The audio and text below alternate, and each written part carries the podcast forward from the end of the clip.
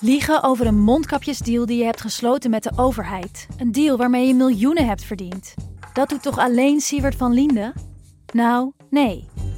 Ik ben Felicia Alberding en in de Mondkapjesmiljonairs duik ik met een team van correspondenten in andere schandalen. Want wist je dat Siewert helemaal niet uniek is? Luister de Mondkapjesmiljonairs in je Podimo-app. Of ga naar podimo.nl slash mondkapjes. En probeer Podimo 30 dagen. podimo.nl slash mondkapjes. In de podcast Radio Romano met Noortje Veldhuizen Met Marcel van Roosmalen. En met Roelof de Vries. brengen we alle drie elke week een zogenaamde signalering mee. Wat heb jij nou weer bij je? En aan het eind bepalen we wie de winnaar van de week is. Echt een angstcultuur Lege huls die je er bent? Ja, dat gaat eigenlijk altijd onvriendelijk. Luister nu naar Radio Romano bij Podimo. Via podimo.nl slash Radio Romano luister je 30 dagen gratis. Thank you.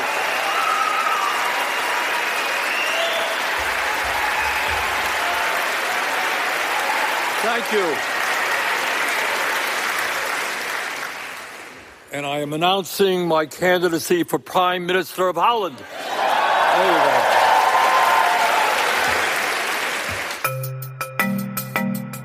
Dit is Betrouwbare Bronnen met Jaap Jansen.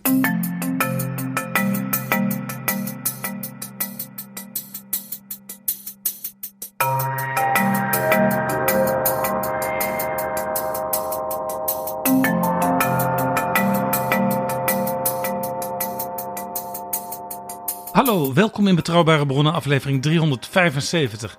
En welkom ook PG. Dag Jaap. PG, 26 partijen maken zich op voor de verkiezingen van 22 november. Er staan er straks 26 op het stembiljet. Dat is overigens minder dan de vorige keer, 2021, want toen deden er maar liefst 37 mee. Dus mijn eh, voorspelling aan het begin van deze campagne dat we een ontsplintering gaan zien, zien we in elk geval een beetje op het stembiljet.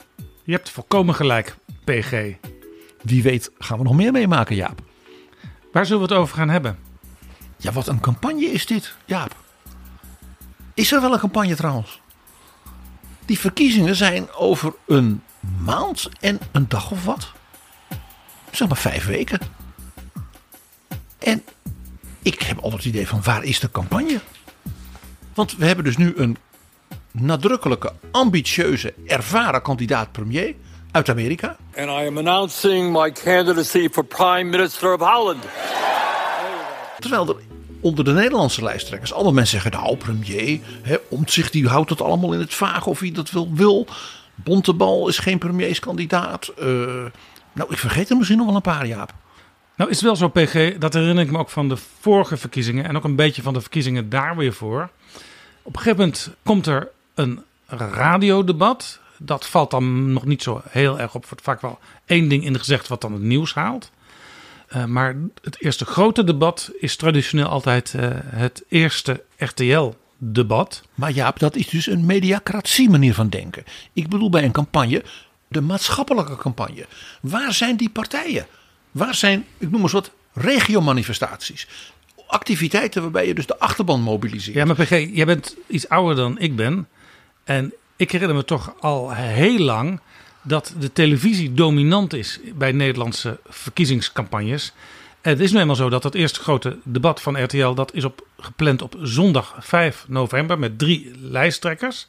Maar drie. Misschien vier, als ze ongeveer gelijk eh, staan in de laatste peiling. En dan zie je ook altijd dat de opiniepeilingen eh, gaan kruipen richting de einduitslag.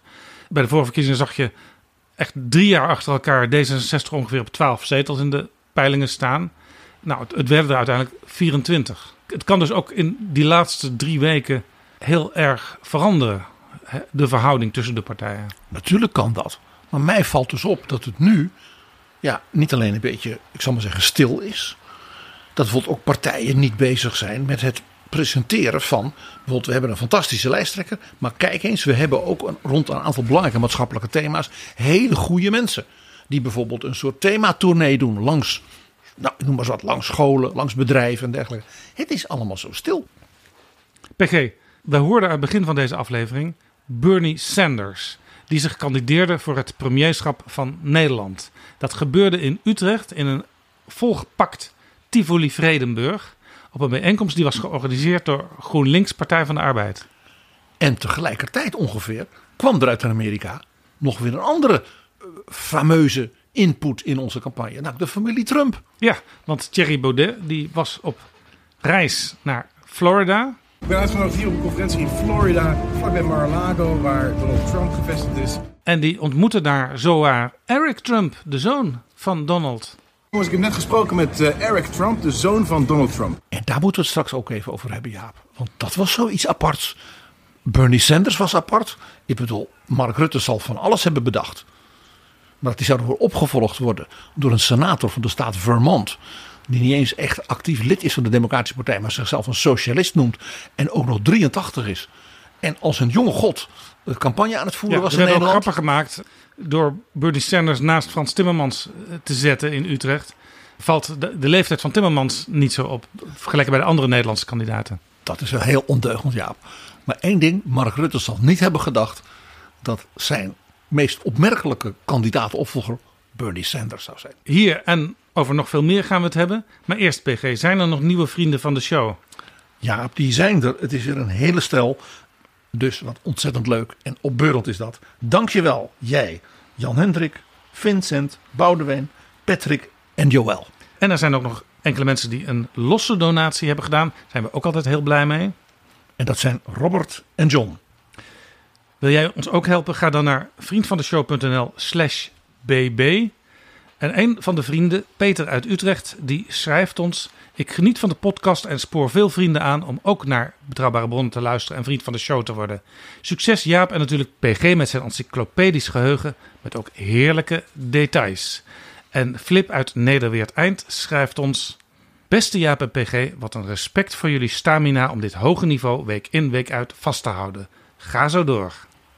Dit bemoedigt ons zeer. Dus ik dank hen beiden enorm. En eh, nou ja, Ja- Jaap, jij weet het al. Onze, lees- onze luisteraars gaan het merken. Ik ben alweer bezig met ook historische en actuele, nou ik zal maar zeggen, encyclopedische edities. Ja, want eh, er zijn luisteraars die ons vragen: gaan jullie ook aandacht besteden aan Israël en Gaza? En daar wordt aan gewerkt. Zeker. Dit is Betrouwbare Bronnen. PG, jij vraagt je af: is er wel een campagne? Ja, ik, ik, ik mis dingen, zal ik maar zeggen. Mag ik een voorbeeld geven? Stel, jij bent een partij en je zegt: we hebben een mooi scala van uitstekende mensen op die lijst. We hebben een hele goede buitenlandspecialist, we hebben een financiële kenner, wat de meeste partijen ook zo goed mogelijk proberen te doen. Dan is het wel verstandig om in die verschillende segmenten die mensen, zeker als ze bijvoorbeeld al een goede reputatie hebben, bijvoorbeeld omdat ze al langer Kamerlid zijn, om die even goed zichtbaar te maken. En als het nieuwe experts zijn, nieuwe politici waar je zegt van kijk eens, die hebben wij eh, bereid gevonden, dat je zo iemand een beetje ja, zichtbaar maakt. Dat je zo iemand bijvoorbeeld een paar lezingen laat houden, een soort tournee laat doen. En ik merk dat dus helemaal niet. Het eerder het omgekeerde. We hadden een heel merkwaardige tv-uitzending met eh, Pieter Omtzigt van het eh, Nieuw Sociaal Contract. Met zijn twintig bovenste kandidaten. Goedenavond, de verwachtingen zijn hoog, de peilingen ook. Pieter Omtzigt is hier. En hij is niet alleen, hij heeft 20 kandidaat-Kamerleden voor zijn nieuw sociaal contract meegenomen. Wie zijn ze en wat willen ze? Dan denk je, nou, dat is een manier om die mensen echt te presenteren. Maar wat gebeurde er? Die zaten daar wat bleu te kijken. En een enkeling van hen mocht een zinnetje uitspreken hoe fijn ze het vonden dat ze nu op de lijst stonden. En verder heeft vooral omzicht gebabbeld. Ja, het deed mij heel erg denken aan een aflevering van Pauw en Witteman uit 2006. Met de nieuwe fractie van de SP van Jan Marijnissen, die toen ineens heel erg groot was geworden. Maar die aflevering werd gemaakt meteen na de verkiezingen. Dus toen wisten ze al, wij zijn allemaal Kamerlid. En toen was ook Jan Marijnissen de enige die iets zei? Ongeveer wel, ja. Ja, een paar mensen werden even aangeduid, maar dat gebeurde met die NSC-mensen ook. Het was toch vooral de leider die sprak. En dat heeft toch iets heel ongemakkelijks. Maar Jaap, kijk ook eens naar het VVD-congres. Het is de grootste partij van het land, hè, ook de grootste regeringspartij. Een mix van bewindslieden van naam en faam op de lijst. Hè, waarvan je zegt, ja, eh, de mensen die, die zich hebben bewezen. En een aantal nieuwe interessante mensen ook. We hebben ze niet gezien. Uh, het was de, de grote Dylan-show. Ja, dat is natuurlijk ook logisch. Want uh, ja, zij is de nieuwkomer, de nieuwe kid on the block... als het gaat om uh, het leiderschap in Nederland. Maar dan was het misschien wel leuk geweest om, als je zegt... mag ik zeggen, nieuw leiderschap... dat ze dan zegt, ik heb hele goede mensen om mij heen. En wij zijn, en ik ben de aanvoerder van een team... maar wij zijn een team. En wij gaan, ja, hè, Mark Rutte uitzwaaien... en dat nieuwe team, dat gaat het laten zien. Ja, maar goed, zij moet nog bij veel mensen in het hoofd uh, zich nestelen. Uh, dus ik kan me dat campagnematig wel, wel voorstellen. Dat ze toch in ieder geval op uh, Dylan Jasilgus focussen. Ja, maar dat partijcongres, Jaap, is niet voor de kiezers. Dat is voor de achterban. Zou het? Dat is voor de club. Zou het? Dat wordt toch live uitgezonden en er worden filmpjes van gemaakt. En het komt in de journaals. Oh, jij denkt dat heel Nederland uh, aan de livestream zit voor we moeten Dylan zien, we moeten Dylan zien. Nou ja, ik denk je, het ziet, niet. je ziet bij veel partijen dat de congressen in de loop van de jaren wat minder amendementerig zijn geworden. En dat heel veel van die dingen al in achterkamertjes uh, of in voorcongressen uh, worden doorgenomen. Zodat ze op het congres nog een paar beslissingen hoeven te nemen. En de rest is het vooral toch aan de lijsttrekker. Die moet zich dan presenteren en daarmee profileren. Maar dan zeg ik, dat is ook interessant. Want wat uh, Dylan Jesselgus deed, was niet dat je denkt: kijk, dit is nou een zeg nieuwe liberale visie op Nederland. Dat zat er niet in. Het was programmatisch, was het leeg eigenlijk. En wat me ook heel erg opviel, misschien ook wel onbewust als het ware een soort contrast met de Rutte-jaren te tekenen, was dat het, het was echt binnen de dijken. Je zou verwachten, de grootste partij, met uh, alle geestverwanten ook op interessante plekken internationaal, dat ze een aantal van die liberalen van naam en faam, dat die als het ware zeggen: Ik kom het even opnemen voor Dylan. Een Alexander de Croo en Christian Lindner. Uh, wat dacht je van premier Elisabeth Borne hè, van de partij van Macron? Ook zo'n vrouw die, nou ja, net als Dylan, hè, premier wilde worden. Maar niets. Het bleef binnen de dijken. Ja. Het lijkt een beetje, Jaap, op de campagne van 2021. Weet je nog? Toen zaten we natuurlijk in de uitloop van de coronacrisis. Ik herinner me nog de mondkapjes in die tijd. En dus ook dat de partijcongressen ja, met social distancing en maximaal 150 mensen, kan ik me nog herinneren. Ook dat allemaal wat ongemakkelijk. Ja. En ook niet heel uh, uh, geprofileerd inhoudelijk. Weet je nog die brief van Mark Rutte aan Nederland op de achterkant van de kranten? Ja, dat was op zich al een, een traditie die Mark Rutte natuurlijk uh, al eerder had uitgevonden. Ja, met het uh, vaasje. Weet, je, nog? boven de partijen uh, een brief schrijven aan uh, gans het volk. Waarin in zekere zin dus net als het verhaal van Jesselgus... veel algemeenheden en over we moeten het samen doen... en we gaan het samen rooien en we hebben een moeilijke tijd achter de rug... Maar er werd niet in gezegd, wij liberalen waarschuwen nog één keer voor het rode gevaar. Nou ja, dat is een beetje uh, het beeld sowieso. Hè? Dat, dat, zie je ook bij Frans Timmermans bij GroenLinks Partij van de Arbeid. Die benadrukt ook, we moeten straks samen uh, Nederland in de wereld vooruit helpen. Ja, het is net of Ruud Lubbers uh, nu lijsttrekker is van een heleboel partijen tegelijk af en toe. Hè? Samenwerken, pragmatisch ook. We komen er samen wel uit. Ja, een stukje Het is ook optimisme. een woord wat, wat Rob Jette, polderend. Rob Jette gebruikt ook vaak het woord samen. Uh, Bontebal van het CDA natuurlijk ook. Van nature. Mirjam Bikker. Uh, sommige partijen zeggen zelfs dat je om die reden ook niemand mag uitsluiten.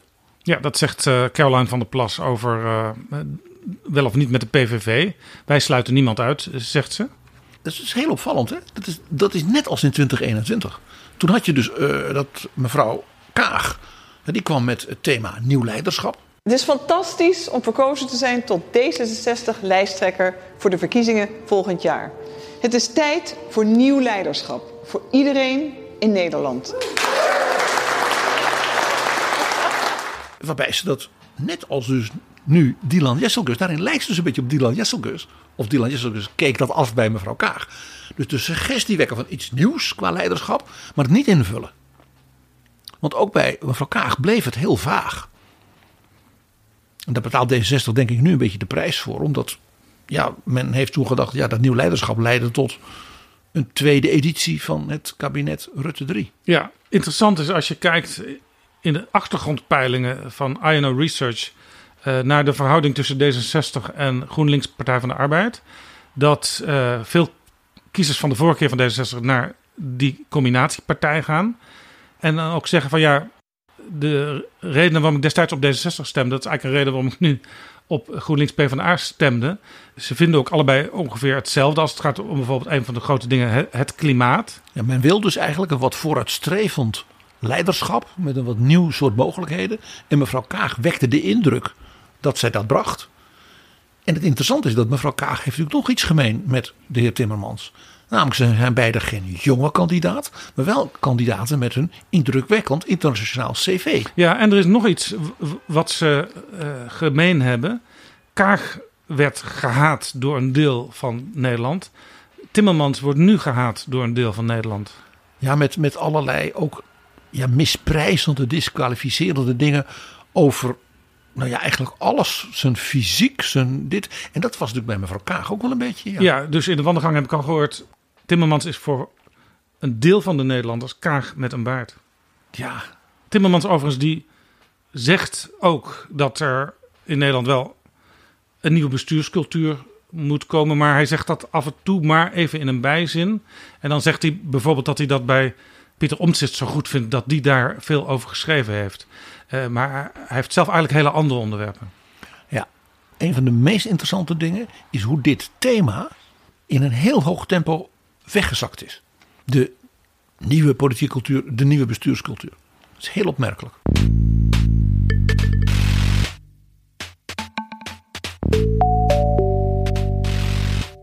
Er is natuurlijk, PG, plotseling een ander onderwerp op de agenda gekomen en dat is het Midden-Oosten. Dat kun je zeker zeggen. Het is volstrekt niet te voorspellen nu. Of en in welke mate en hoe, dat zijn drie verschillende dingen, dat in die campagne ook echt impact zal hebben. Jesse Klaver die zei, ik hoop niet dat dat conflict daar ook in de Nederlandse straten eh, zijn weg zal vinden. Iedereen is natuurlijk bang dat hier ook gedoe komt. Maar je kunt niet zeggen, zoals Omtzigt zei, uh, dit is geen Nederlands conflict. Dat was wel heel erg achter de dijken denkend. Daar schrok ik van. Natuurlijk, dit raakt ons land in hoge mate. Spanningen in het Midden-Oosten. Ook uh, uh, existentiële bedreiging voor een land, uh, Israël, dat voor Nederland een, een, hele bijzondere bondgenoot is. Ja. daar kun je van niet zeggen, ja, dat is, dat is iets wat niet Nederland raakt. En je ziet ook dat politici van, van allerlei partijen proberen op hun manier een soort van balans aan te brengen in wat zij zeggen over de gebeurtenissen daar. Uh, Mark Rutte die, die, die ging een beetje naar één kant hangen in eerste instantie met het hijsen van die vlag op het Binnenhof. Nederland erkent volledig het recht van Israël om zichzelf te verdedigen. Maar in feite deed uh, Frans Timmermans kort daarna iets vergelijkbaars. Hij zegt zelfs: ja, we zijn eerst volledig achter Israël gaan staan. Dan weet Israël, wij steunen jullie. Om daarna de ruimte te hebben in het gesprek om ook kritisch te kunnen zijn. Ja, dit is een hele interessante insteek. Want dat is in feite de insteek van zowel Ursula von der Leyen als Joe Biden. En je ziet dus dat Timmermans, ja, mag ik het zeggen, net als Rutte, ook op dat niveau opereert. Die snapt dat. want mevrouw von der Leyen is met Roberto Metsola, dus de voorzitter van het Europese parlement, samen naar Israël gegaan. Ja. Om dus uit te stralen Europa als gemeenschap van, van Europese landen en Europa als democratie. Hè, dus die beide dingen uh, uh, staan achter Israël. Om vervolgens de volgende dag te zeggen: wij gaan onze humanitaire programma's en ondersteuningen voor de mensen in de Gazastrook in één klap verdrievoudigen. Je ziet het ook bij Biden, die dus zegt van wij, hè, ik sta achter Israël. En uh, nou, dat doet hij hè, met heel veel warmte en, en, emotie. Om vervolgens te zeggen van ja, ik heb nu wel met Egypte en de koning van Jordanië even indringend ingepraat op de heer Netanyahu. Om een aantal dingen niet te doen. En bijvoorbeeld het water in een deel van Gaza wel weer te laten stromen. En dat is dus die methodiek. Ja, Anthony Blinken is natuurlijk ook meteen afgereisd naar Jeruzalem. Om vervolgens, ik geloof in, in één dag bij in zeven verschillende hoofdsteden in het Midden-Oosten even langs te lopen en, en met de mensen te praten. Ja, ik was ook benieuwd hoe Caroline van der Plas zou doen op dit onderwerp. Zij was een van de aanwezigen op een steunbijeenkomst voor Israël uh, op een van de eerste dagen. En mij viel op dat ze in een latere fase uh, ook nog wat dingen zei richting uh, het Palestijnse volk. En, en ook wel echt het onderscheid met Hamas maakte. Zij moet overigens in haar eigen partij nog wel even wat gesprekken voeren, denk ik. Want de nummer 7 op de lijst van BBB, Claudia van Zanten, die schreef op Twitter dat de integratie van de Aluha Akbar schreeuwers grandioos faalt en de multiculturele samenleving een sprookje is, is al tientallen jaren bekend. Wanneer stoppen we met het binnenhalen van nog meer Trojaanse paarden? Ja, als je dit zegt een paar dagen nadat uh, het lont daar in het kruidvat is gestoken. En dan ook nog, Jaap, de volstrekte historische inconsistentie als je zegt dat dit al tientallen jaren haar bekend is. Het, het, het, kan niet alle twee waar zijn. Nee. Dat je zegt, dit is een gevaar dat nu dreigt. Doordat er blijkbaar allerlei Hamas-lieden Nederland binnenkomen. Quotmon natuurlijk. En dat het al tientallen jaren zo het geval is. Dus laat deze mevrouw Claudia van Zanten, nummer 7 op de lijst, leren van Caroline van der Plas. Die zegt, wij spreken onze steun uit aan Israël. Maar staan zeker ook stil bij onschuldige burgers in de Palestijnse gebieden. Niet iedereen die in de Gazastrook leeft is een terrorist of een aanhanger van Hamas. En zo is dat. Nou, dat is dan misschien binnen uh, die partij, uh, BBB, wel een stukje klassieke campagne. Dat zodra er zich echt iets groots aandient, dat men de interne regie en coherentie niet helemaal op orde heeft. Maar er is misschien nog een partij, terwijl ik dus zeg, we hebben een hele merkwaardige campagne. Die misschien dan wel een hele klassieke campagne voert. En dat is natuurlijk het duo GroenLinks Partij van de Arbeid. Want die hadden toch een wel heel klassiek partijcongres. Met heel veel amendementen, met heel veel stemmingen. En zij hadden iets wat wel daarbij hoort. Namelijk, er was een aantal toonaangevende sociaaldemocraten. Mij viel op geen groenen. Die als het ware zeiden, wij zijn heel blij met Frans Timmermans. En dat is goed voor Nederland en goed voor Europa. Ja, er was een filmpje op het, uh, op het congres. Met allemaal leiders uit Europa. Premiers, uh, oud-premiers. En ook uit heel Europa. Hè? Niet alleen maar uit ik zeg maar, be bevriende buurlanden. Je hebt gelijk, geen groene leiders zag ik daarin. Op het congres zag ik wel, zeker op de eerste rijen, om en om een GroenLinks, een PvdA zitten.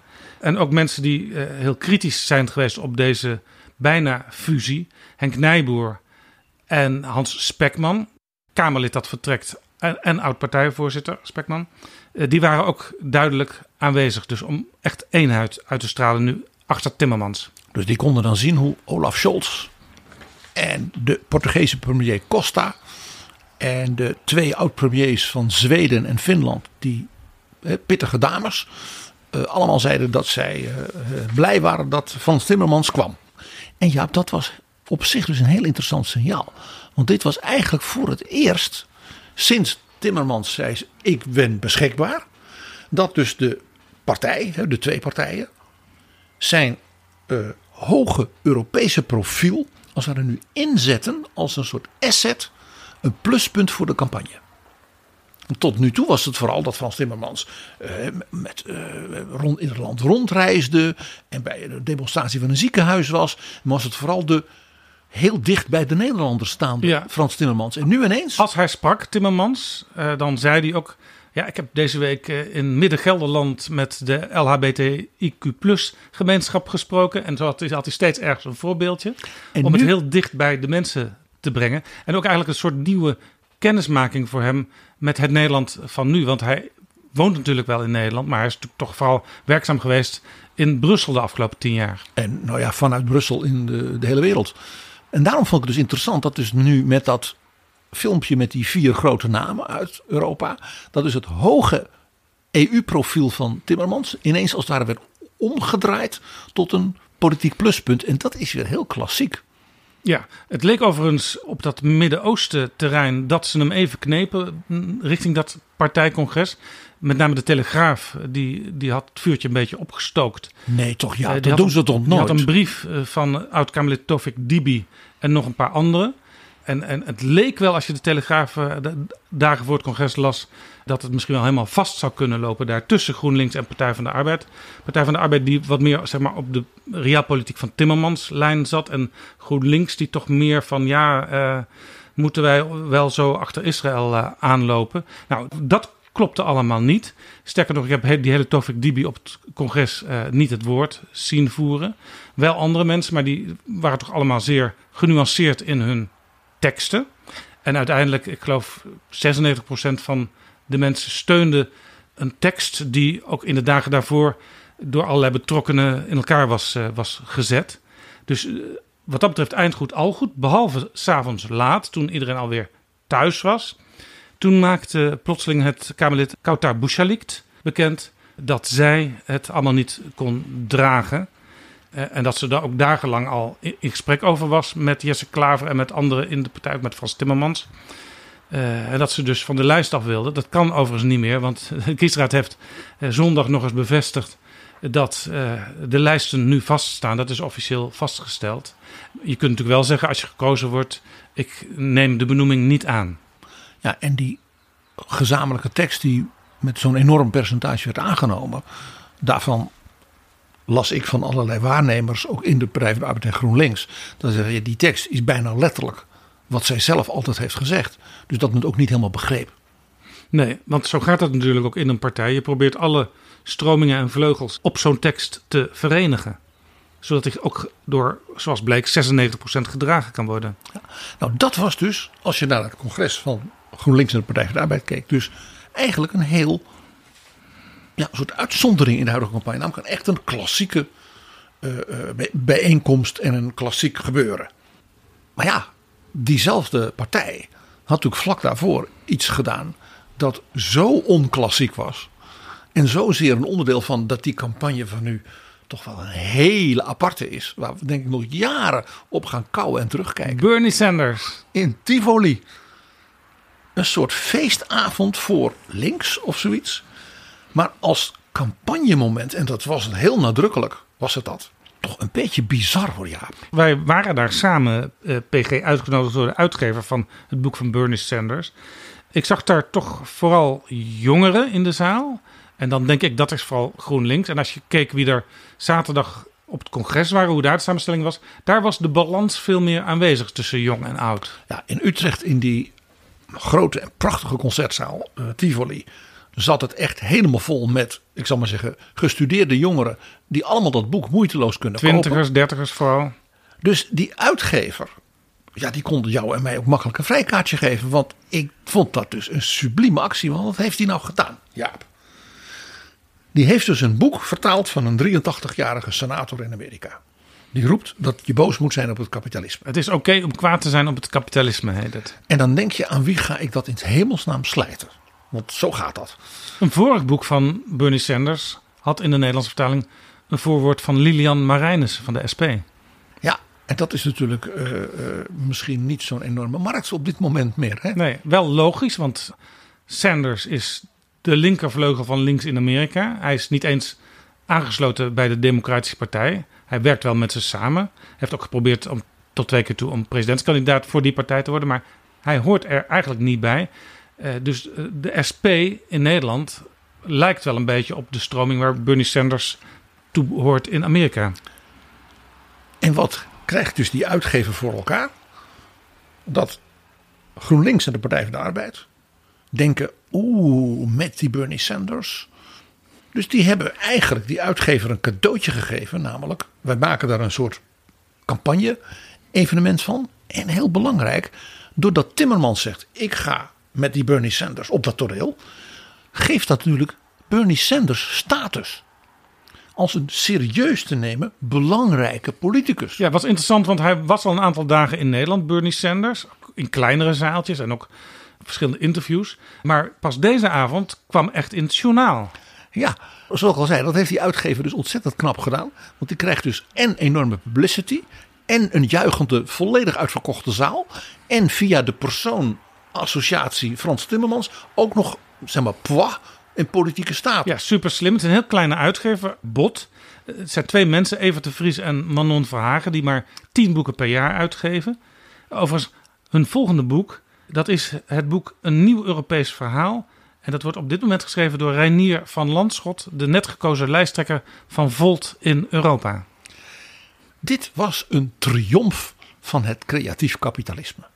Dus een klein uitgeversbedrijf ja, dat zichzelf in het journaal en in een bestseller en in alles erop en dran en dat in feite laat organiseren door een linkse, sociaal-democratisch groene partij. Bernie Sanders is ook heel erg voorstander en fan van het midden- en kleinbedrijf.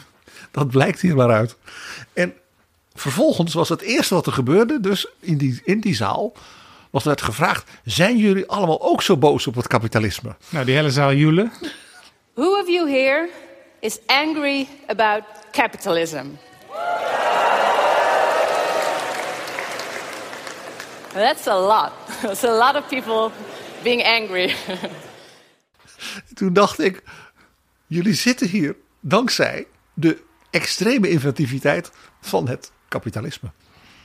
Wat ook een beetje raar was, was dat eh, Bernie Sanders werd af en toe gevraagd over hoe moet je nu die, dat grote bedrijfsleven aanpakken, wat moet de politiek nou doen en zo.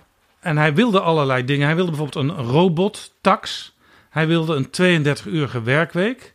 Nou, in Europa zijn we blij als robots uh, allerlei werk overneemt. Want we hebben gewoon te weinig personeel voor allerlei handmatige dingen. En 32-urige werkweek. Ik denk dat we in Europa eerder naar een 40-plus-urige werkweek zullen streven de komende jaren. Omdat er gewoon te weinig mensen zijn om bijvoorbeeld de klimaattransitie helemaal goed uit te voeren. Ik denk dat als je Olaf van der Gaag en zijn leden en uh, Doekle Terpstra, zoals wij die uh, recent hadden over de energietransitie, zou vertellen. Nou, jullie installateurs mogen straks nog maar 22 uur in de week gaan werken.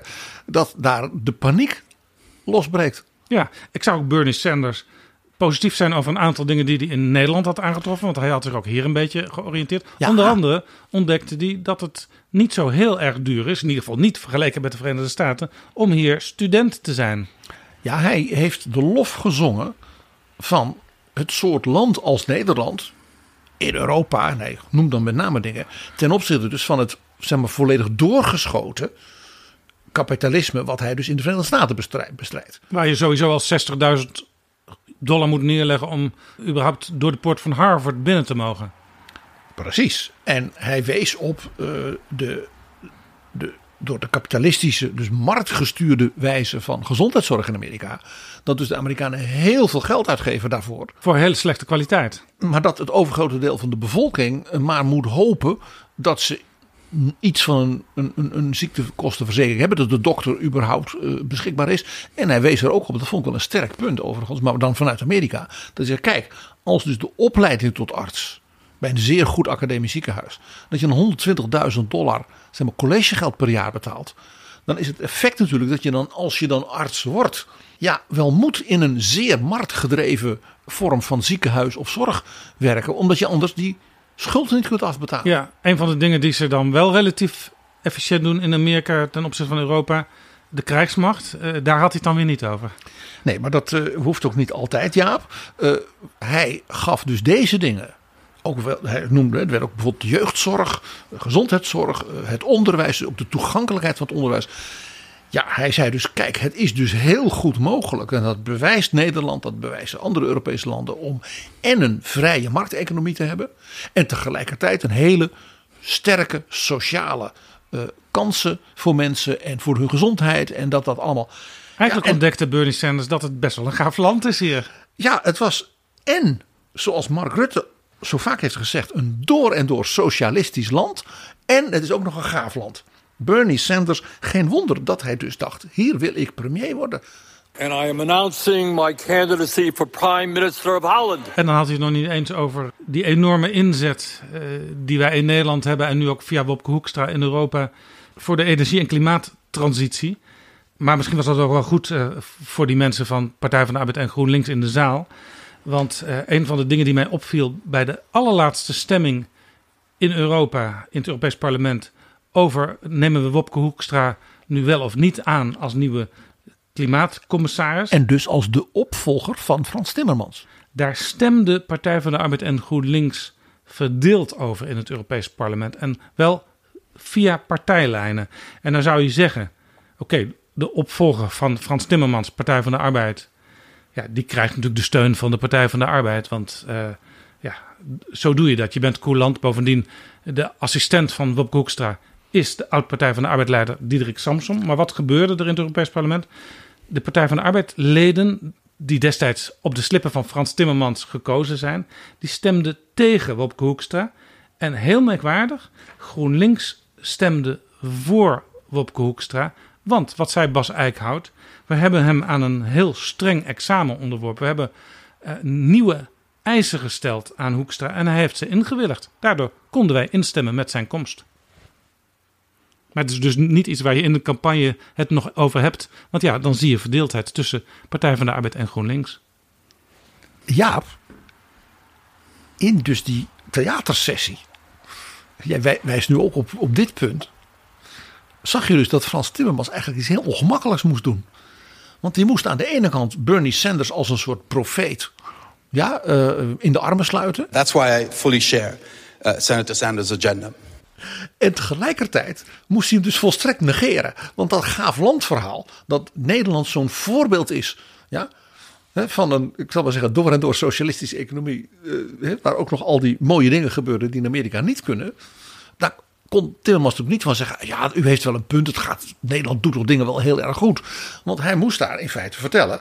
Ik sta helemaal op één lijn met Bernie Sanders. Wat ook heel interessant was, is, was dat Timmermans zowel voor als na die bijeenkomst voor de media niet beschikbaar was. Normaal heb je dan altijd, oké, wat vond u ervan? En dan heb je ook nog een aantal binnenlandse vragen. Ja, er waren hier zeker vragen te stellen ook over ja, al die dingen die Bernie Sanders in dat boek schrijft. Staat u er echt 100% achter? Maar er was nog iets wat mij zeer opviel. Bernie Sanders zei: We zijn ontzettend boos op het kapitalisme en het roofdierbedrijven en nou ja, de bekende uh, retoriek van hem ook. En dan denk je, nou, hij komt dus nu met een, ja, een soort politieke lijst van dingen waarvan dan ook nog uh, Timmermans zegt dat dat 100% door hem wordt overgenomen. Ik denk dat als Ursula von der Leyen dat hoort, dat ze denkt, nou, dat heb je me, Frans, dat heb je hè, de voorbije jaren niet tegen me gezegd. Maar goed. Maar waar kwam nou Bernie Sanders mee? Die zei, het is in Amerika bewezen, we kunnen ze aanpakken, die bedrijven. En daar heb je dus activisten voor nodig, die dus enorm uh, ja, gaan, gaan protesteren en dingen organiseren en processen gaan voeren. En hij begon dus als het voorbeeld van succesvol beteugelen van dat roofdierkapitalisme waren de tabaksbedrijven. Want die waren gedwongen door rechtszaken eh, te erkennen dat ze gelogen hadden, dat ze wisten dat tabak slecht was en dat je daar ziek van werd. En die hadden dus honderden miljarden, geloof ik, aan schadevergoedingen moeten betalen. En dat moest nou ook gebeuren naar de fossiele industriebedrijven. Want die waren eigenlijk hetzelfde als die tabaksbedrijven. En toen dacht ik, dat is interessant. Want in feite zegt dus Sanders hiermee: ja, die Timmermans en die politiek hier, daar heeft u niks aan. U moet een soort agenda gaan doen. U moet via de rechter. De politiek, daar heb je eigenlijk niet zoveel aan. Nou is hier wel een verschil met Amerika. Uh, daar schrijft Sanders ook over in zijn boek. Hij zegt juist eigenlijk sinds het begin van de jaren tachtig hebben grote bedrijven, waaronder tabaksfabrikanten, de partijpolitiek, de twee grote partijen, gefinancierd met vele miljoenen. En uh, mensen die gekozen willen worden, die laten het wel uit hun hoofd om kwaad te zijn op de tabaksindustrie, want dan krijgen ze niet die miljoenen meer. Eigenlijk een soort van waarschuwing aan ons in Europa. Zorg dat jullie niet op die manier gefinancierd gaan worden door de grote industrie. Maar hij zegt dus eigenlijk dat zijn eigen vak, dat van de beroepspolitici in de Senaat en in het Huis, onmachtig zijn ten opzichte van die bedrijven. En dat het dus via de juridische weg moet. Bernie Sanders komt hier een beetje in de buurt van eh, Pieter Omtzigt. Die ook waarschuwt tegen bepaalde ontwikkelingen eh, in onze politieke en bestuurscultuur. Dus misschien had uh, Omtzigt wel daar in Vredenburg naast Bernie Sanders moeten staan. Ja, want wat mij opviel was dat Frans Timmermans niet onmiddellijk bij dat betoog van Sanders zei. Wat een ongelooflijk goed voorbeeld wat u geeft van die hele grote bedrijven. En dat je die beteugelt. Want mijn collega, mijn net oud collega Thierry Breton, heeft nog heden Elon Musk beteugeld. Ja, dat was op dezelfde dag.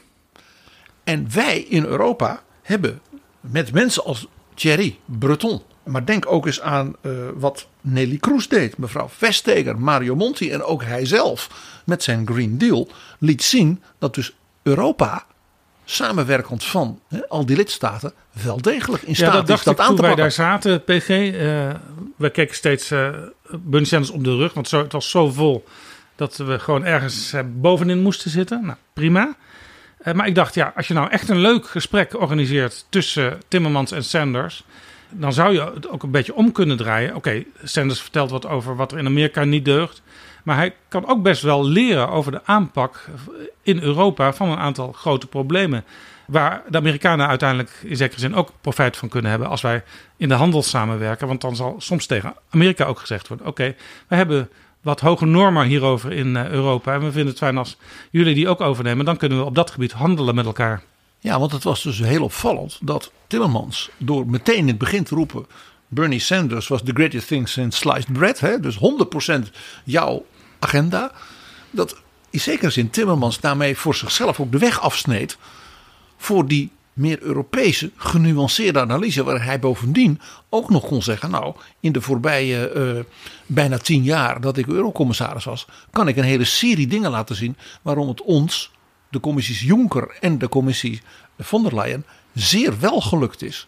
We zijn niet foutloos, we zijn niet feilloos, maar we hebben op dat punt er heel bovenop gezeten. Ook dus met bijvoorbeeld die commissarissen mededinging. Ja, kortom PG, het was een hele merkwaardige bijeenkomst daar in Utrecht.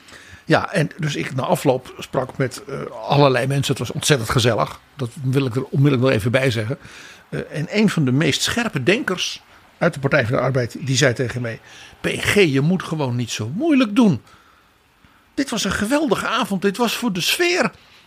Iedereen heeft nu dus weer zin in. Nou, zo, zo kwamen de mensen inderdaad wel uit die zaal richting de borrel. Uh, mensen zagen soms ook wel dat het een beetje een rare combinatie was, die twee op, op het podium.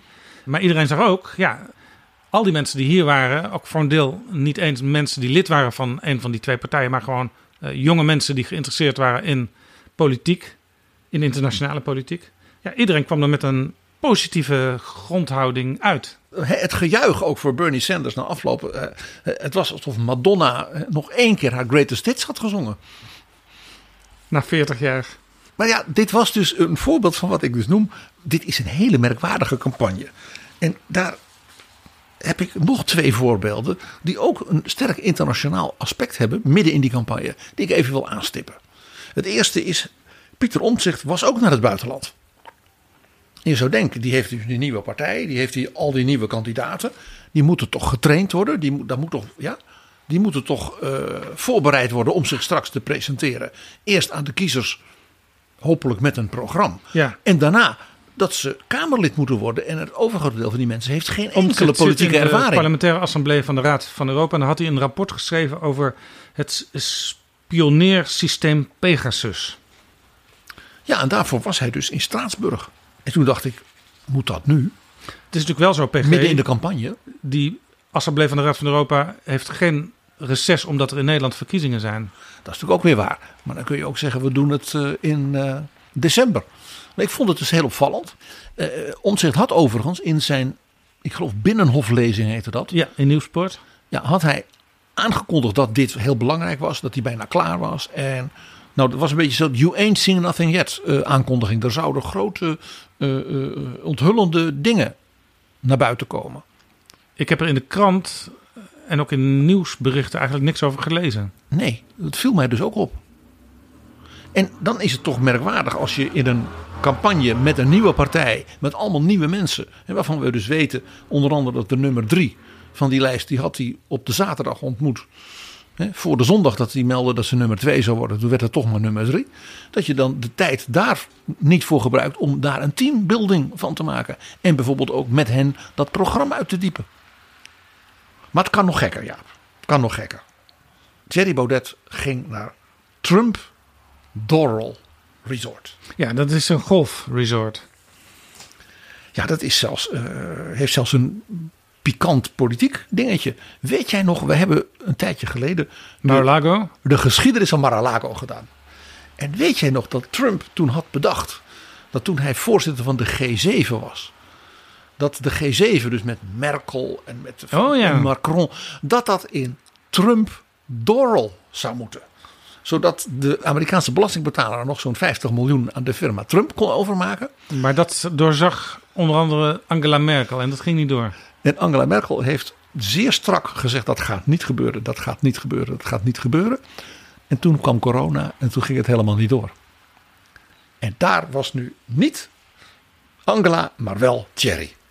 En Jaap, dat was toch hoogst opmerkelijk dat je als Nederlandse lijsttrekker daarheen gaat. Want dat was een strikt binnenlands Amerikaans gebeuren. En dat was een soort QAnon-feest. Uh, georganiseerd door een van de zonen van Trump, Eric. En die generaal Mike Flynn. Eric, niet de slimste, hebben wij destijds begrepen van uh, Michael Wolff toen hij bij ons te gast was. Ja. Die, heeft, de- die heeft alles aangaande Trump eh, tien keer doorgelicht. Dus die weet echt alles van Trump. Ja, die was, die was buitengewoon eh, eh, snijdend over het, ik zal maar zeggen, het, het vernuft van Eric. En die generaal Mike Flynn, eh, ja, die is ontslagen nog voor Trump als president was ingehuldigd als zeg maar, de opvolger van Henry Kissinger. Want hij bleek gelogen te hebben over zijn contacten met het Kremlin. Nou, daarna is hij eh, helemaal in de QAnon-wereld terechtgekomen. Van grote samenzweringen en dergelijke. En allemaal van dat soort mensen. Ja, die Mike Flynn heeft ook een keer op de Dam in Amsterdam gesproken op een vergelijkbare bijeenkomst. Ja, dat was om de boeren in Nederland een hart onder de riem te steken. Dat was dan weer door de ooit vriendin van Thierry Baudet geregeld, namelijk Eva Vladimir. Ah ja. Zo zitten die netwerken in elkaar daar, Jaap.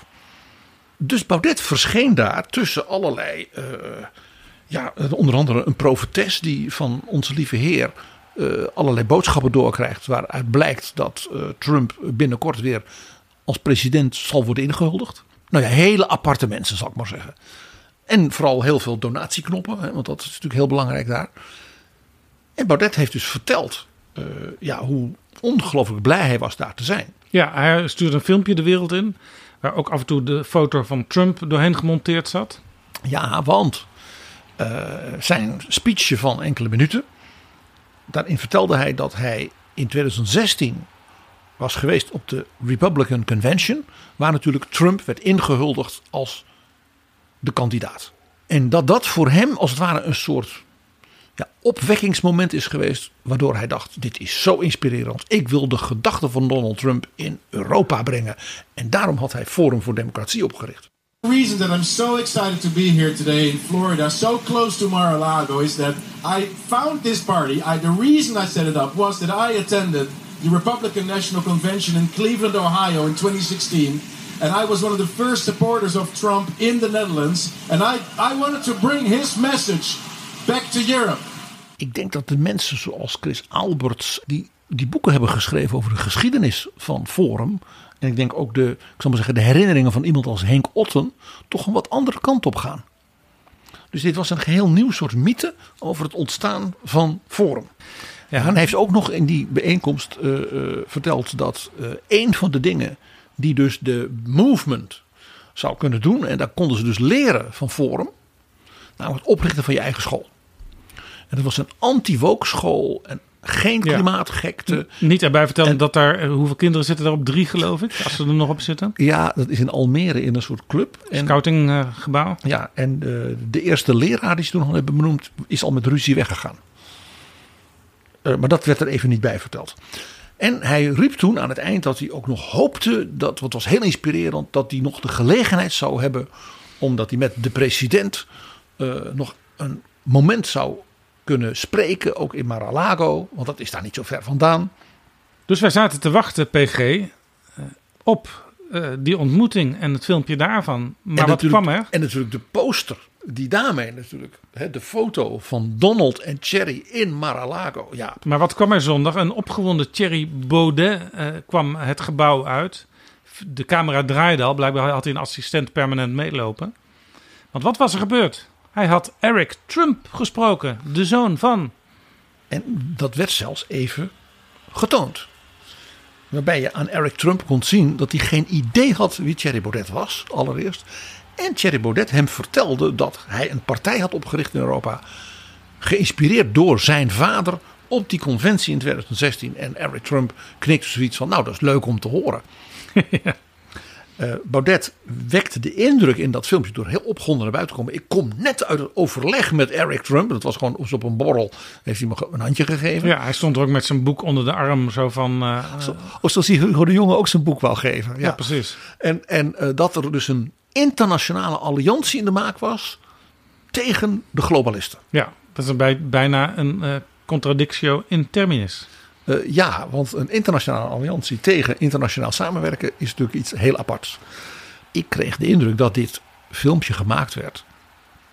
Omdat hij dus gewoon helemaal niet bij de Donald mag komen voor een prachtige fotoshoot, Jaap.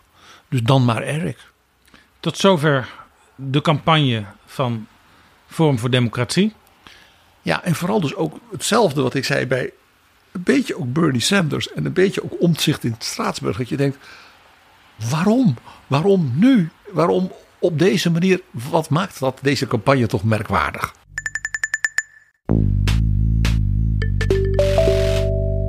Dit is Betrouwbare Bronnen, een podcast met betrouwbare bronnen.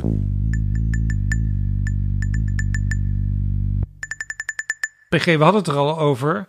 Op het VVD-congres werd Dylan Jesselgus natuurlijk in de schijnwerper gezet. Waarin deze afgelopen Israël- en Gaza-week uh, zagen we toch vooral Mark Rutte weer in beeld. Wij roepen op om uh, dit geweld onmiddellijk te beëindigen en wij veroordelen het geweld. Ja, er is een opmerkelijke, door dus de internationale ontwikkelingen, uh, ook niet helemaal onbegrijpelijke, soort renaissance van Mark Rutte als het gezicht van Nederland. En ook een beetje als het gezicht van de VVD. Want je ziet dus dat mevrouw Jesselgus als het ware een beetje naar de zijkant geschoven wordt. Want het is Mark. De eerste twee, drie dagen van uh, deze crisis in het Midden-Oosten uh, zat Jesselgus wel eens een beetje in alle talkshows. En zij kon natuurlijk als minister van Justitie ook wel uh, de veiligheid van Nederland benadrukken. En ook wij staan als één man achter Israël, dat deze ook.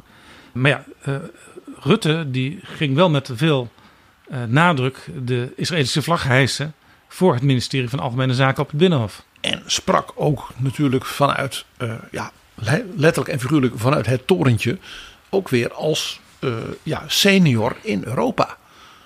En dat was ook het meest opmerkelijke signaal wat hij afgaf.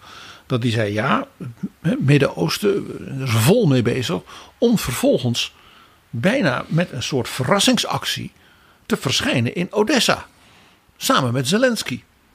Om de mensen daar in die haven en iedereen die daarmee bezig is, een hart onder de riem te steken. En ook nog te vertellen dat Nederland met zijn enorme kennis op het gebied van havens en zo. nog extra zou komen helpen. Zodat er nog meer Oekraïns graan ja, als dat naar de wereld komt. Dit is ook een beetje weer uh, eigenlijk de balans in de buitenlandpolitiek van Nederland leggen. Zo van uh, Oekraïne, wij vergeten jullie ondertussen ook niet. En Zelensky, die zich trouwens ook met uh, het Midden-Oosten bemoeide. Hij riep mensen op, collega's, ga naar Israël, steun ze. Ja, dat was dus heel interessant. Want je zag door dat Rutte dus hiermee als het ware de nadruk legde op de balans hierin. En laten we er niet omheen draaien dat dit hele gedoe, en daarom dat ik zei het is opvallend dat Rutte dus zo zichtbaar is en veel minder Dylan Jesselgus. Want dat hele gedoe, ik, ik zou maar zeggen het thema Hamas, terrorisme en geweld is natuurlijk een cadeautje voor Geert Wilders. Die volgens de VVD nu ineens weer wellicht mee zou kunnen ja, doen. Ja, dat is natuurlijk ook de reden dat Jessel dus ook dit onderwerp wel benadrukt. Want ja, als alleen Wilders het naar zich toe trekt, dat kan niet. Maar tegelijkertijd is dit onderwerp zeer kwetsbaar voor de VVD geworden. Want dat was natuurlijk mevrouw Jesselgus die zei: migratie wordt het grote thema. Wat zijn de twee meest opmerkelijke VVD-dingen rondom migratie van dus de voorbije, nou zeg maar tien dagen. Eén, dat is de staatssecretaris die erover gaat. Een VVD. Erik van der Burg. Hoog op de lijst van de VVD. Die met leven moet in de Tweede Kamer en ja, in het parlement, dus ook straks de Eerste Kamer, zijn spreidingswet verdedigt waar de VVD tegen is. En of het niet erg genoeg is, is die hele uh, Tunesië-deal, waar Mark Rutte zo'n punt van maakte, ook naar zijn partij. Laat mij nou in Europa tot alles doen. Nou, die Tunesië-deal, die met veel bombardie is afgekondigd, die stort volledig in. Ja, dat dit nu in die zin geen campagnethema is, dat is overigens uh, ook prettig voor uh, GroenLinks Partij van de Arbeid. Want uh, als die op één punt verdeeld zijn intern, dan is het ook wel op het migratiepunt. Eén vandaag heeft een onderzoek gedaan onder kiezers van beide partijen. En daar zegt 55% van de PvdA'ers uh, de asielstroom, zoals één vandaag dat dan noemt, moet beperkt worden. En maar 29% van de GroenLinksers zegt dat. 61% van de GroenLinksers zegt daar nee. Ik voorspel nog iets, Jaap, op dit punt. Ik zou bijna zeggen dat Timmermans en zijn uh, staf kunnen zich daar als gast op voorbereiden. Uh, er is na de dramatische nederlaag van de SPD in de Duitse regionale verkiezingen in Hessen en Beieren, waar wij onder andere ook met Otto Frieke al de diepte ingingen in het voorafgaande daaraan, uh, heeft Olaf Scholz nu de koers bepaald en de SPD zal gaan voor een zeer strakke en strenge uh, migratie- en asiel aanpak. Ja, nou ja, als je Frans Timmermans uh, hoort in interviews en het gaat hierover, tot nu toe gaat het er bijna nooit over, maar hij heeft er een paar keer iets over gezegd, dan hoor je ook een heel andere lijn dan GroenLinks uh, de afgelopen jaren heeft gevaren. Sterker nog, GroenLinks onder leiding van Jesse Klaver heeft tot twee keer toe in de kabinetsformatie afgehaakt omdat uh, GroenLinks op geen enkele manier wil meedoen met uh, Turkije-dealachtige constructies. En Timmermans zegt daarvan juist, die Turkije-deal was zo slecht nog niet. Je kunt er kanttekeningen bij plaatsen, maar die was zo slecht nog niet. Tunesië-deal is overigens iets anders. Dus je kunt er nu al op rekenen dat als dus de Bundeskanzler ja, met de Ampelcoalitie, want ik las in Der Spiegel dat hij ook al met de Groenen en de Liberalen het eens is hierover. En dat ze zelfs proberen om ook de CDU meteen mee te krijgen via de minister-presidenten. Door de lender als het ware mee te nemen en ook de extra ondersteuning te geven hierbij.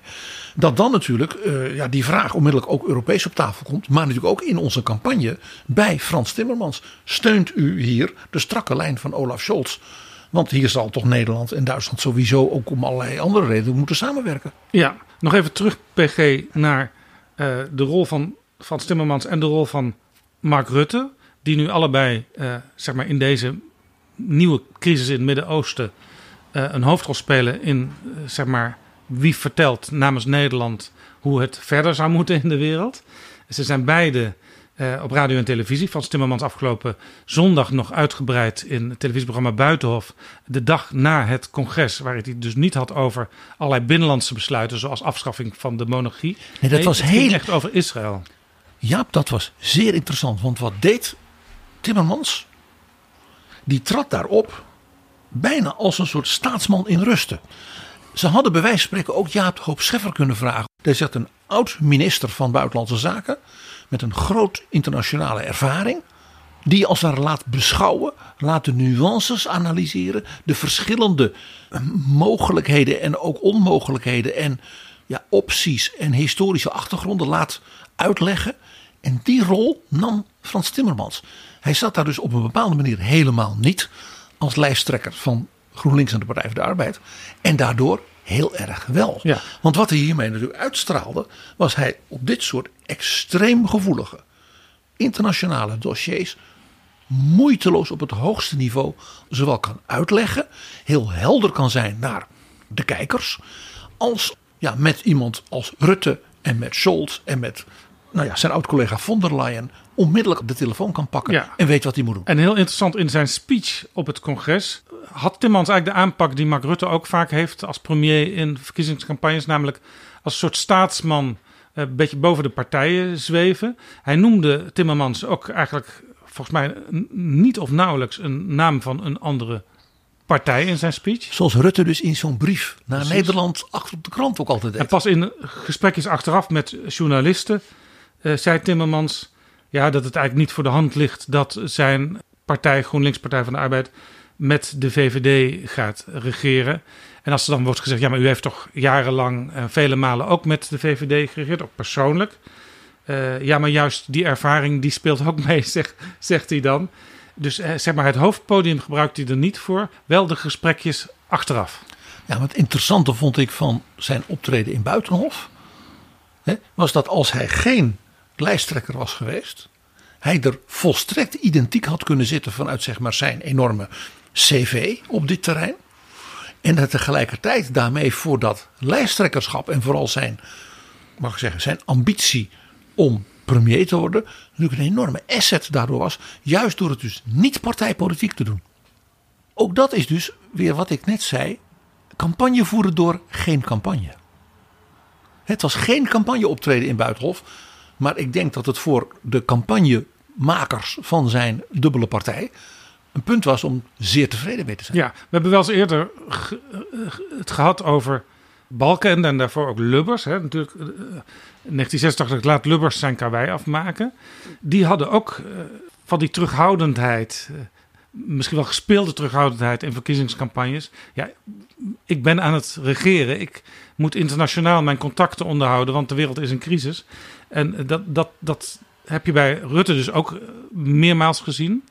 Sterker nog, in deze campagne eh, lijkt hij eigenlijk een beetje Dylan Jasilgus weg te spelen, omdat hij juist die internationale rol laat zien. Doordat hij dus zogenaamd geen campagne voert, daarmee is hij heel erg in het hart van de campagne. En dat doet dus Timmermans eigenlijk bijna analoog. En eh, je kunt er eigenlijk ook geen kritiek op hebben als waarnemer. Want ja, eh, dat is nu eenmaal ook de rol van een premier. En het, dat was natuurlijk ook altijd en heel vaak de rol van Timmermans in al zijn functies tot nu toe. En Jaap, er zijn nog twee lijsttrekkers die bij dit geen campagne als campagne voordeel hebben. En de eerste is natuurlijk Geert Wilders. Dat hele Hamas-thema, hij hoeft helemaal niks te zeggen.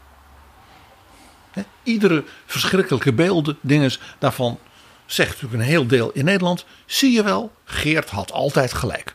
Die mevrouw van BBB die jij voorlas, dat was natuurlijk een, een onversneden PVV-geluid. Ja, ja, ik erger me altijd een beetje aan het volstrekte gebrek aan creativiteit van de niet bestaande PVV-campagne. Want ze roepen inderdaad al, al 15 jaar hetzelfde.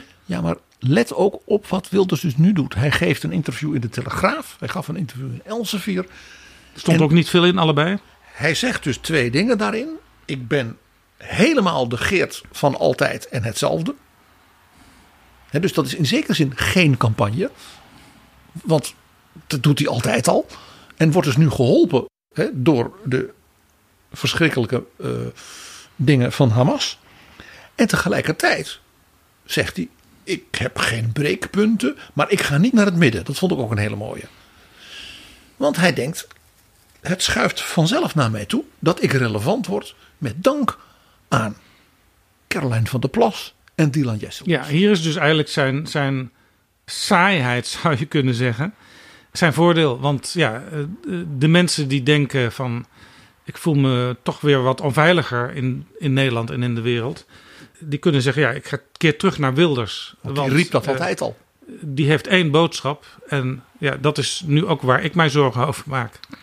En tegelijkertijd is hij dus relevant gemaakt door BBB en de VVD. Ja, en die hebben daar misschien nu dus verschrikkelijke spijt van. Hij steeg al wat Wilders in de peilingen eh, sinds eh, de VVD de deur open heeft gezet. Natuurlijk. En je ziet dat delen van eh, kiezers voor, ik zal maar zeggen, Van Haga en Ja21 en BBB, als het ware die kant op gaan. Want die denken, ja, een sterke Wilders op rechts, die mee mag doen met de VVD, ja, dan heeft het tenminste impact. Ja. Dan heb je niks aan eh, DJ Jopie.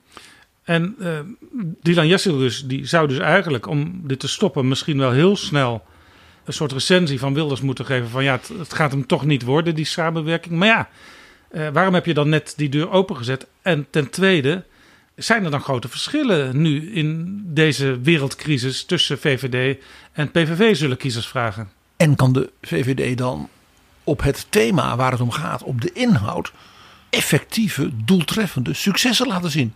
Niet de Tunesië-deal van Mark Rutte, zoals we vaststellen. En Erik van den Burg, die zou ze zelf liefst een stok tussen de benen steken. Dus de VVD heeft hier een enorm probleem. Dat wordt nog leuk in de debatten, Jaap. Er is natuurlijk nog een lijsttrekker die heel erg belang heeft bij geen campagne als campagne. En dat is natuurlijk Pieter Omtzigt. Want ja, die heeft nog geen programma. Dat heeft hij ook weer verteld toen hij daar met die twintig mensen zat. Het programma is zo goed als maak. af, wordt er ook steeds gezegd. In de maak, ja. Maar En- we hebben het nog niet gezien. Nee, en die twintig mensen gaan er ook alle twintig nog even naar kijken. Want die hebben heel veel expertise. Dus die gaan blijkbaar dat programma nog helpen herschrijven. Dan zal er toch weer iets. Ja, dan zal men ook als club weer moeten denken: is dit nu wat wij willen? Ik heb een heel interessant dingetje ontdekt als je het over uh, de standpunten van NSC hebt. Uh, de kiezers, blijkt uit kiezersonderzoek onder andere van INO Research, die vinden de wooncrisis heel belangrijk. Hè? Mensen uh, kunnen geen woning vinden, jongeren kunnen niet gaan samenwonen. Dus iedereen wil meer huizen bouwen. Ook wat Omtzigt daar tot nu toe over gezegd heeft. Ik ben benieuwd wat er in het programma staat. Want de nummer 7 van de lijst, dat is die Aant Jelle Soeboer. De, van de Fries Nationale Partij? Ja, dus die, dat is die Fries. Die heeft gezegd, al een tijd geleden hoor, toen was er nog helemaal geen sprake van dat hij toe zou treden tot uh, de partij van Omtzigt. Die heeft gezegd, ja, er was al sprake van dat er 100.000 uh, woningen bijgebouwd zouden worden in Friesland. En er is nu sprake van dat er nog 200.000 extra worden gebouwd. Dus telt op tot 300.000. Dat is natuurlijk fijn. Dan hebben die, die Friese jongeren en al die studenten in die voortreffelijke hogeschool, onder andere in Leeuwarden, hebben een huis. Maar wat zei de nummer 7 van de lijst? Ik zeg nog een keer met nadruk, voordat hij toetrad. Dat wil ik helemaal niet. Want ik wil dat het in Friesland rustig blijft en vooral ook leeg blijft. Dat hij is wil, namelijk hij het wil dus... typische van Friesland. En daarvoor ben ik ook actief geworden in de Frieske Nationale Partij en ook wethouder geworden. Dus hij wil wel een hoop Friese minskip, maar niet met nieuwe burgers en nieuwe mensen en nieuw talent in Friesland. Het gemeenschapsgevoel mag ook weer niet te dichtbij komen. Niet te veel gemeenschap.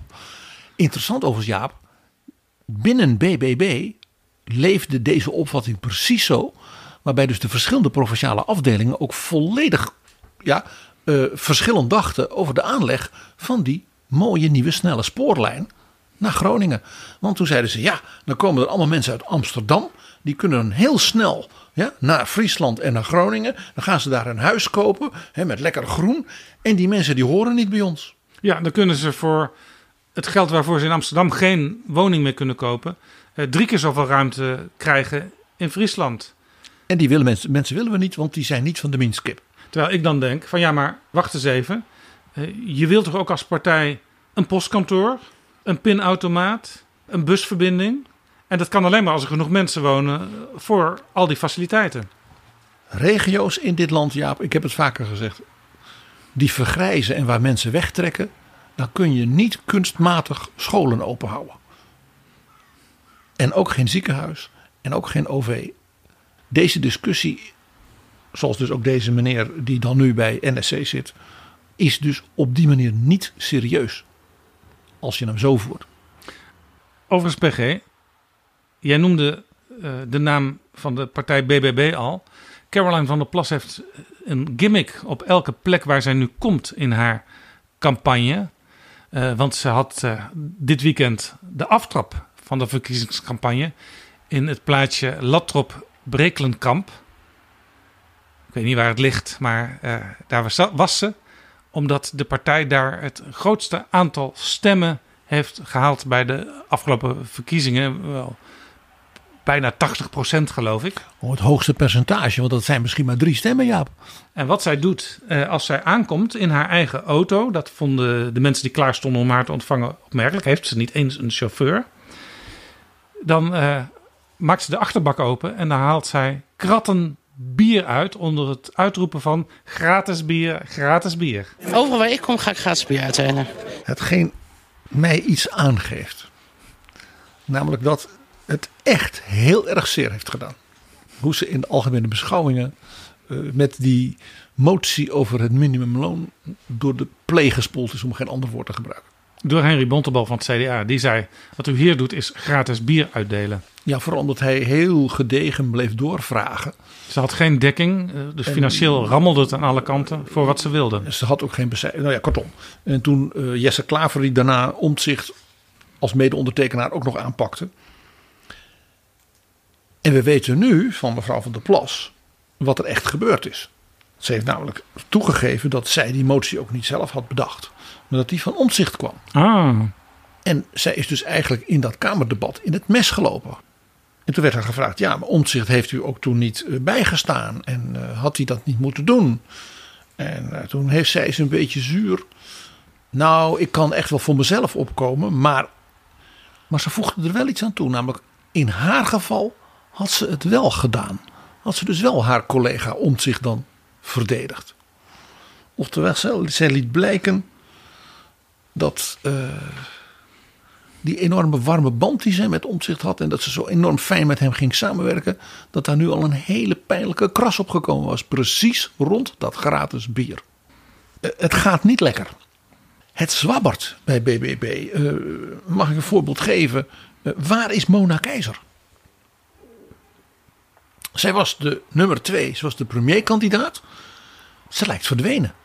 Je ziet ook dat er bijvoorbeeld wat moeite is in, hoe zal ik het zeggen, de precieze plek en de koers te bepalen. want in de Eerste Kamer is nu BBB volop aanwezig. En men heeft daar dus gezegd: wij gaan daar een hele constructieve, uh, ja, uh, serieuze rol spelen. Maar het eerste, de beste conflict heeft zich al aangetoond. Want ja, wat moeten ze nou doen met die spreidingswet? Want in de Tweede Kamer heeft Van der Plas een heel apart spel gespeeld. Ze heeft zelfs van alles van die spreidingswet gesteund. om op het laatste moment ineens weer haar handtekening er weg te halen ja. bij moties. Dus die Eerste Kamerfractie die heeft straks een enorm probleem. In de Tweede Kamer zie je dat dus die nieuwe fractie van BBB. met Epping erbij en uh, mevrouw Pauw dat die al meerdere keren verdeeld heeft gestemd. Ja, en ook op, op cruciale momenten, bijvoorbeeld uh, de steun aan Israël en hoe je daar verder naar kijkt. Uh, daar had Epping ook aanvankelijk een motie ondertekend, uh, waar die later zijn handtekening toch weer terugtrok na intern beraad in de fractie. Ja, dus je ziet dat het daar gewoon niet loopt. En daar komt natuurlijk ook bij dat in de Staten, waar ze natuurlijk zoveel mooie zetels haalden en ze dus ook allerlei gedeputeerden konden benoemen, ja, daar zie je dus nou ja, nu al gebeuren wat dus bij het Forum gebeurde. Er is een fractieleider die heeft gezegd: Ik heb een nieuwe baan en die kan ik niet laten lopen, dus ik ga weg. Dat was dus de nummer 1 van de lijst. Nou, dan is er al een uh, gedeputeerde die gewoon ja, eerst ziek was en toen is opgestapt. Omdat hij, ja, hij bleek gewoon niets te kunnen, om maar hard te zeggen. Op allerlei plekken in het land merk je dat, ja, ik zal maar zeggen, de betonrot er al een beetje in zit. En er is nog een interessante beweging. Die kenmerkend is voor de partijen op zeg maar, de rechtervleugel. En soms ook wel extreem rechtervleugel. Dat is wat ik altijd noem het cannibalisme, separatisme. Het spat voortdurend uit elkaar. Dus nu is er weer een beweging in die staten. Dat de Ja-21 groepjes die daar zijn gekozen in maart. Dat die dus nu uh, Joost Eertmans en Annabel Nanninga gedag zeggen. Ja, Let wel, dat zijn dus de partij op wier slippen zij zijn gekozen. Ja, wat in de en Tweede Kamer ook al gebeurde, want daar is de fractie ook leeggelopen. Joost Eertmans zit daar nu in zijn eentje. Ja, en wat je dus nu ziet is dat ja 21 fracties, dat zijn één of twee mensen meestal, dat die zich bij BBB aansluiten. Wat natuurlijk ook weer het evenwicht binnen die fracties van BBB natuurlijk ook weer onder druk zet, waar het toch al niet goed gaat. Kortom, het is leuk dat uh, mevrouw van der Plas uh, kratten uitdeelt. Overal waar ik kom ga ik gratis bier uitdelen. Maar helemaal goed gaat het niet. Hoi, ik ben Alexander Klupping. Ik weet dat jij, net als ik, met heel veel plezier luistert naar betrouwbare bronnen. Maar je zou Jaap en PG echt helpen als je nu vriend van de show wordt. Dat kan met een donatie, per maand of per jaar. En dan kunnen ze nog veel meer afleveringen maken en zeg nou zelf, dat wil jij ook. Dus ga nu naar vriendvandeshow.nl slash bb en doe het niet straks, maar nu. Die campagne, ik zou, het is een campagne die voor een deel geen campagne is. Met de meest boeiende, maar soms wat merkwaardige momenten. Je zou toch hopen dat de partijen dan nu zeggen: nu gaan we een laagje dieper. Want er valt best nog wat te discussiëren. Ik kan mij nog herinneren dat Rob Jetten, ook in gesprek uh, met jou en mij, enthousiast reageerde op de gedachte van onder andere Bontebal. Van waarom gaan we als partijen van het midden niet veel meer ook vanuit de ideologische kant waar wij voor staan. Van onze partijprincipes met elkaar het debat aan. In plaats van dat die flanken alleen maar ideologisch toeteren. En toen zei Jette, ja, we zijn daar al zelfs mee bezig. Nou, ik dacht, dat wordt leuk. Waar blijft dat debat? Waarom is men zo, zo, zo, ja, zo schichtig nog? Ja, wat maakt dat de verkiezingscampagne en vooral ook de inhoudelijke verkiezingscampagne nog niet echt zichtbaar is? Ja, het eerste hebben we in zekere zin een beetje natuurlijk langs zien komen. Dat is met die plotselinge weer centrale rol in allerlei opzetten van Mark Rutte. Eh, iedereen is diep onzeker. Men lijkt ook door de gebeurtenissen eh, ook wat gedesoriënteerd. Hè? Bijvoorbeeld, je zegt we gaan een migratiecampagne voeren en dan moet je vaststellen, oeps, de grote deal die het grote succes was, die, die, die flopt. Hè, men is dus onzeker. Men is ook nog wat naar elkaar aan het loeren. Dat merk je ook. En er is nog geen soort vast patroon van dit zijn de kerngedachten waar de partijen mee komen. Dus iedereen is nog een beetje aan het. Ja, je, je zag bij BBB, hè, dat ik zei: het is, het is nog vaak wat warrig. In zekere zin was ook dat optreden van Bernie Sanders daar een signaal van. Please give him a warm welcome, Bernie Sanders.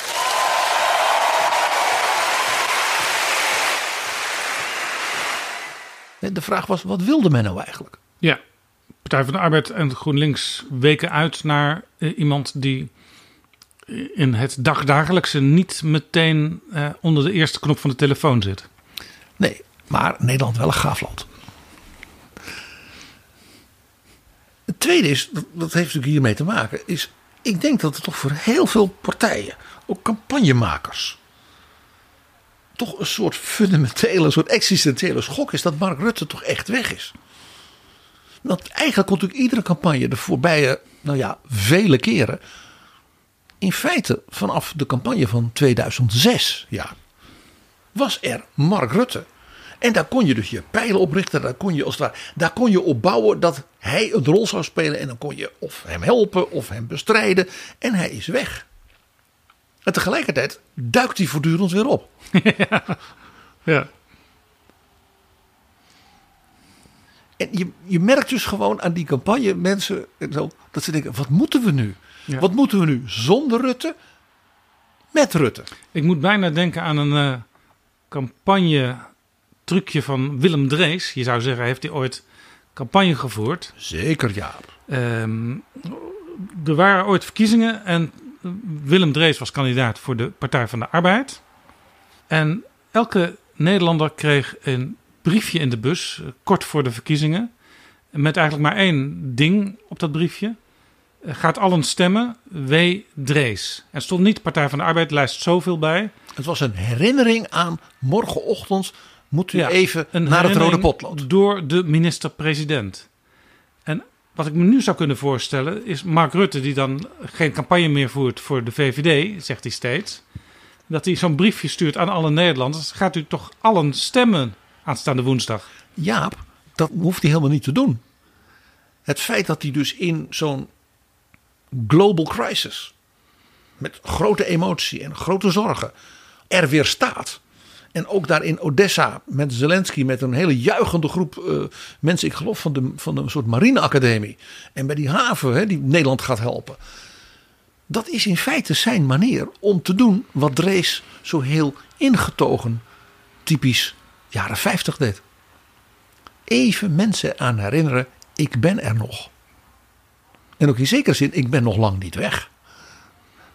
Er zit bijna iets dreigends in, iets omineus. Ja, En ook voor alle mensen die waardering voor mij hebben. Denk morgen in het stemhokje ook nog eens aan mijn opvolger. Die is van de VVD, weet u wel? Weet u wel? Ja. En ja, er is nog een ding. En dat is niet voor het eerst in de geschiedenis. Laten we er niet omheen draaien. Het zou toch verfrissend zijn als een lijsttrekker nu het volgende tegen Nederland zou zeggen. Dames en heren, mijn partij heeft een programma, financieel onderbouwd, zit goed voor elkaar. Maar ik zal het u maar eerlijk zeggen, de oorlog in Oekraïne, wat er nu in Europa gebeurt en deze nieuwe verschrikkingen in het Midden-Oosten, die maken natuurlijk één ding niet alleen duidelijk, maar gewoon een zekerheid. Dat hele programma en wat ik nu aan u aan het vertellen ben, hoe wij de komende vier jaar dat willen doen, dat is niks meer waard. U weet het, wij weten het. En laten we daar elkaar dus ook niet voor de gek houden. Ik heb dit al een heel klein beetje gehoord in de campagne. Namelijk uit de mond van Frans Timmermans. Want die zegt: wat wij willen in ons programma.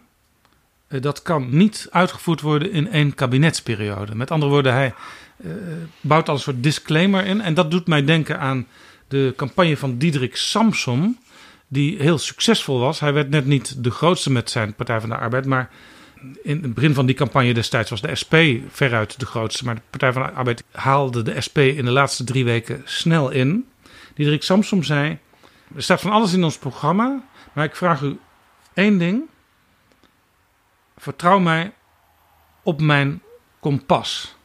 Dat staat goed afgesteld. En uh, alles wat in ons programma staat, ja, dat, dat proberen we natuurlijk uit te voeren. Maar u moet mij vooral vertrouwen zoals ik hier sta en zoals u mij kent. En dan komt het goed. Jaap, dit is een prachtig verhaal waarbij je en Timmermans en zijn ambtenaar Diederik Samson nog in releveert. Huidige ambtenaar, althans nu van Wopke Hoekstra natuurlijk. Nu van Wop, Wopke. Maar zat wel op de tweede rij van het congres afgelopen zaterdag. Maar dat was niet waar ik het over had. Mijn punt is dat dit is niet van, ja, ik moet gaan onderhandelen en ik heb een goed kompas. Daar heb ik het niet over. Ik heb het erover dat je gewoon eerlijk zegt, de vooronderstellingen voor de komende jaren, hè, voor het beleid, ook internationaal, ook oorlog en vrede, ook economie, waar wij een programma op hebben gemaakt, laten we eerlijk zijn, dat kon wel eens volledig niet meer relevant zijn en sneller dan wij denken. We hebben dit gezien bij het kabinet Lubbers 3. Het trad aan en twee dagen later viel de Berlijnse Ja, muur. 1989. We hebben het gezien bij de eerste kabinetten Balkenende. Want Balkenende werd premier vlak na 11 september. Toen was Amerika al binnengevallen in Afghanistan. Ja. En had men de indruk dat dat wel min of meer afgerond was. Nou, dat hebben we geweten. Vervolgens kwam de oorlog in Irak met alles wat daarbij hoorde. Dat zat niet in het regeerakkoord en ook niet in het programma van Balken en de CDA en al helemaal niet in dat van de LPF. Nee, en sterker nog, in een later kabinet is de Partij van de Arbeid zelfs om die reden weer uit het kabinet gestapt. En denk ook even aan het kabinet Rutte 4. Dat trad aan. En het was meteen mis. Oorlog in Oekraïne. Mevrouw eh, Ollongren ja, kon een compleet andere minister van Defensie worden dan ze ooit voor mogelijk had gehouden. En mevrouw Kaag kon in haar financieel beleid eh, met de collega's in Europa steunpakketten gaan bedenken. En zien te gedekt te krijgen en voor elkaar te krijgen voor Zelensky. Ja. Misschien moet je dus maar gewoon heel eerlijk zijn als partijen en zeggen: kiezer, ik neem u serieus. Dit is een volstrekt reële optie. Dan is de Samson-gedachte van: u kunt op mijn kompas vertrouwen. Niet zo slecht, maar dan moet je dat kompas wel scherp beschrijven. Dan moet je zeggen: ik zie voor Nederland, in Europa en ook in de NAVO en met onze economie dit als de grote lijnen. Daar zullen we het dan wel samen moeten doen, hè, wat veel lijsttrekkers zo zeggen. Maar we moeten elkaar in een situatie als deze niet gek laten maken en elkaar ook niet loslaten. En daar ontbreekt het tot nu toe aan in de campagne. Aan die scherpte en die duidelijkheid. En misschien dat de media in dit opzicht ook nog wel een tandje bij zou kunnen doen. En bijvoorbeeld dus wel zo'n debat uit het midden gaan organiseren. Ga maar de diepte in. En niet van die malle vertoningen als die uitzending met twintig kandidaten van een nieuwe partij. Die er zaten als een soort eh, eh, ja, decoratie rondom de grote leider. En als de campagne nog niet veel duidelijkheid biedt, dan is het misschien raadzaam om Theo Hiddema te vragen ons bij te lichten. Althans, Harry Mens deed dat afgelopen zondag. Theo, dat hele sfeertje daar, eh, wat de, nieuwe le- leden van de Kamer straks, wat, wat krijgen we nou te zien? Geen idee. Geen idee. Eh, 22 november zijn de verkiezingen. Wat ga jij stemmen? Ik weet het niet. Dat weet je nog niet. Nee, ik ben. eh, nee, ik weet het niet.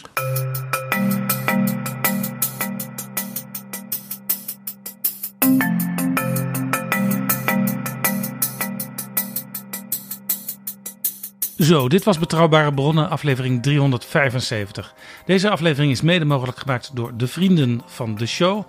Wil jij ons ook helpen met een donatie? Ga dan naar vriendvandeshow.nl slash bb. U bent allen zeer welkom. Het is de hoogste tijd aan de slag. Tot volgende keer. Betrouwbare bronnen wordt gemaakt door Jaap Jansen in samenwerking met dag en nacht.nl.